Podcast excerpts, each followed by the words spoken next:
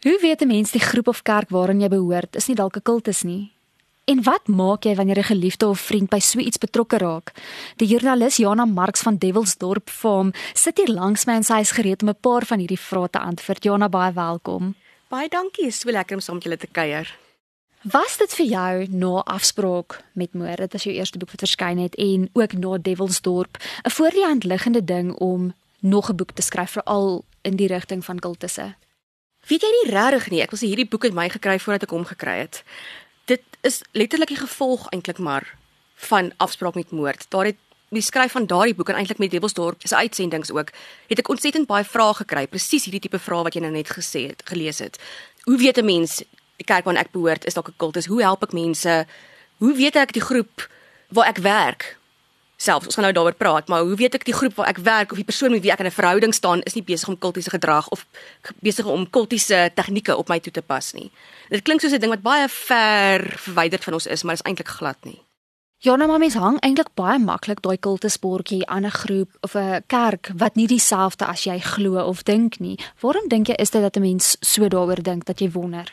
Ek dink 'n mens wil graag dink wat jy doen is reg. En dan is 'n mens vinnig om te sê dat alles wat nie soos ek dink nie, daai is alles verkeerd.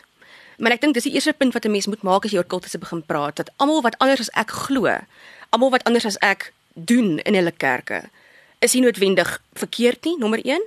En nommer 2 is nie noodwendig 'n kultus nie, want 'n kultus is nie net iets wat anders is as wat ek in glo nie. 'n Kultus het baie spesifieke, ek wil sê kern of kenmerke eintlik wat hom 'n kultus maak. Dis nie net iets wat anders is as ek nie. Jy skryf nou in jou boek breedvoerig daaroor 'n sekte, verskillende soorte variasies wat 'n mens kry rondom kultus, maar ek wil graag by jou hoor of jy ons kan verduidelik, is daar 'n verskil in betekenis tussen 'n kultus en 'n okkulte? Dis my baie interessante ding en dit is baie belangrik ook want mense gebruik baie keer die woord sommer as 'n wisselterm. As hulle eintlik wil praat oor oor kultusse, hulle sê die okkultisme en dit is glad nie glad nie dieselfde ding nie. Waar kultusse meer ons praat van verskillendes. Ek sal nou daaroor uitbrei ook, maar 'n uh, godsdienstige ding is of 'n korporatiewe waar spesifieke tegnieke toegepas word, is die okkulte is basies net praktyke. En dis gewoonlik jou buitengewone goed, jou bonatuurlike goed, goed waaroor mense mense nie regtig verstaan nie. Ons dink daaraan is miskien as donker goed. Baie keer sal mense dit gebruik as 'n wisselterm vir satanisme. Dit is ook nie noodwendig dit is nie. Okkultisme byvoorbeeld sal wees heksery, sal wees mense wat waarsêry beoefen, kristalballe lees, toordery, al hierdie vreemde goed wat mense eintlik half dink is donker. Dit waarvan die horror movies maar gemaak word.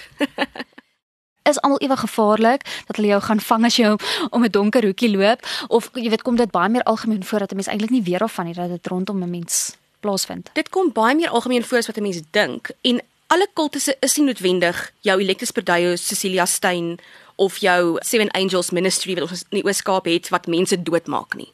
Dit is nie noodwendig die geval nie. Daai is jou ekstreme voorvalle. Ons weet van hulle want dit haal gewoonlik die nuus.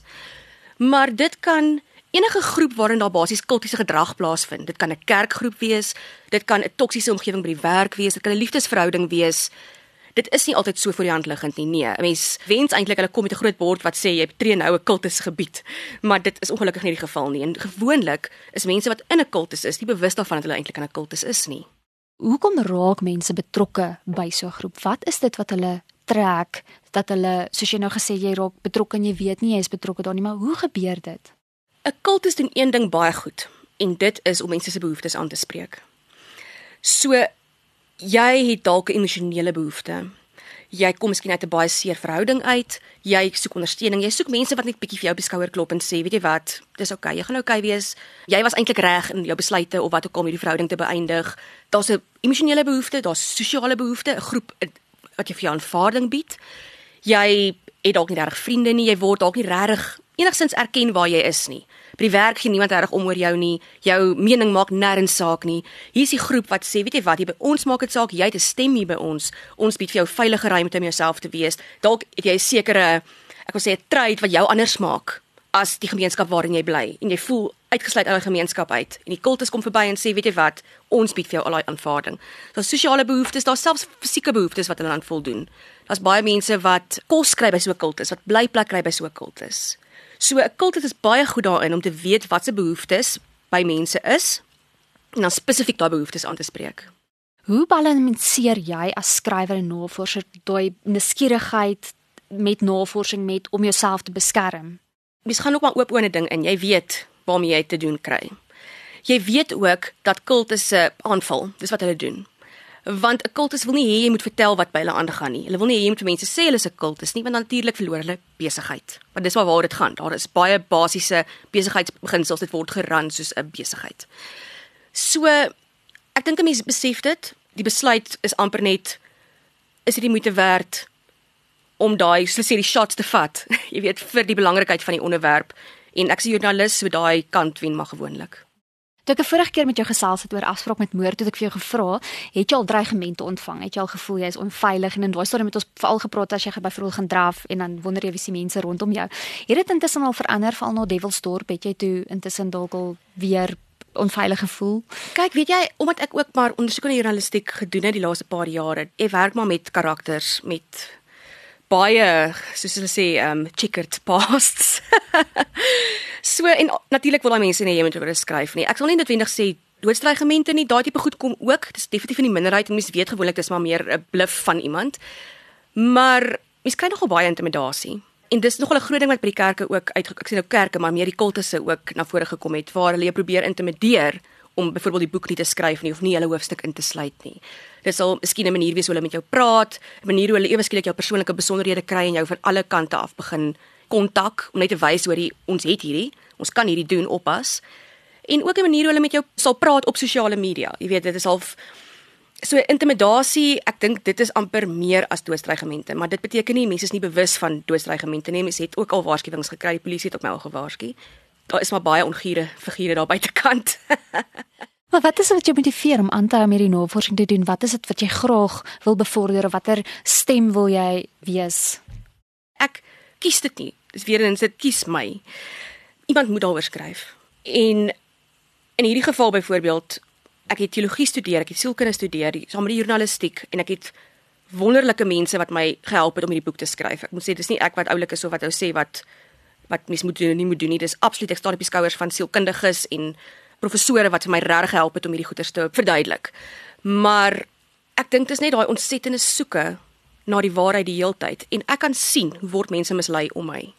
En dan voel dit vir my mens moet hierdie goed kan sê. Mens moet hierdie goed kan praat, mens moet mense kan waarsku. Nie dat 'n mens nou dink jy's nou 'n profeet of 'n ding nie. Dis basies net hierdie ontsettende die deurlopende soeke na die waarheid om seker te maak jy deel dit met almal anders. Of hulle wil glo is dit hulle saak, jy weet. Maar ek kan dit my deel gedoen. So Kultus in Suid-Afrika, dis dat die boek waar ons gesels het onlangs by Lux Verbi verskyn. Ek weet dis eintlik nou nog dalk miskien 'n bietjie vinnig na dit, maar het jy al terugvoer van lesers ontvang wat sê dankie het 'n verskil gemaak of hierdie het my baie gehelp? Ek kry boodskappe van lesers wat vir my sal vragies vra of vir my sê hoorie wat hulle begin dink. Ek is in hierdie groep ABC gebeur, moet ek bekommerd wees? Waarvoor moet ek uitkyk? Of mense wat net sê, weet jy, dankie, ek weet nou hoe om te werk met hierdie negie of wat ook al van my wat ek dink in so 'n groep vasgevang is. So ja, die terugvoer sover is van nog baie positief. Ek het nogal ek is amper verras daaroor want dit is 'n baie omstrede onderwerp, maar sover ja, dit is nog sover baie positief. En met die feestyd wat voorlê, is dit 'n groter gevaar? Het jy dalk vir ons 'n bietjie raad, 'n versoek aan mense? Wat is jou boodskap? Nie eers net die feestyd nie, maar ek dink in die tyd waar ons nou is, dis post-pandemie ons is eintlik nog in die pandemie. Dit is nog nooit aangekondig dat dit post-pandemie is nie. Ek presies ek met 'n toeneus van COVID. Maar dit is ons is nou in die nadraai van 'n pandemie en die navorsing wys dat kultusse gedei in onseker tye. Dit het gebeur met die wêreldoorloë, dit het gebeur met ons 1994 verkiesing in daai oorgangsjare. Elke keer as daar 'n groot oorgangstydperk is wat mense se die mat onder mense uitdruk, dan is dit die tyd vir kwaksalwers om te perform. So ons is nou in 'n tyd waar daar weer 'n stygings is in hierdie groepe en die mense wat opportuniste is en geleenthede sien om mense te mislei. En ek dink jy moet versigtig om te dink dis net 'n kerk, dat jy jouself net in 'n kerk gaan bevind en dis vreemd. Hierdie kan iemand wees wat op sosiale media amper soos hulle sê 'n cult following het. Waar daai persoon sal verdedig al maak niks meer sin nie. Jy weet dis 'n irrasionele blindelingse navolging. So dit is gebeur nie net in 'n kerk wat die pad byster geraak het nie, dit gebeur op sosiale media, dit gebeur in sommige werksplekke wat wil hê jy moet eenvoudig net jou jou lewensrealiteit, jy weet, wegteken en net betrokke wees by hulle goeders. Dit gebeur selfs in liefdesverhoudings waar iemand hierdie verskriklike beheer uit wil oefen oor hulle partner.